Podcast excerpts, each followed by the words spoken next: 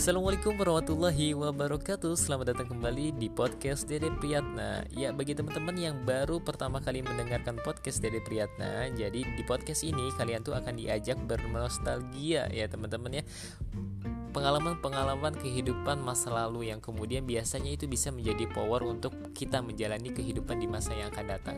Kenapa? Karena biasanya karakter yang terbentuk hari ini, kesuksesan kita ataupun hal yang kita dapat hari ini merupakan produk dari pengalaman-pengalaman yang pernah kita lalui.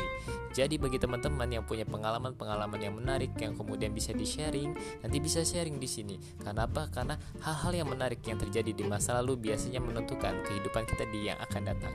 Seperti itu. Dan dan untuk hal-hal yang kemudian menarik tersebut bisa menjadi inspirasi untuk orang lain ataupun inspirasi kita menjalani kehidupan ke depan. Jangan lupa di follow. Terima kasih.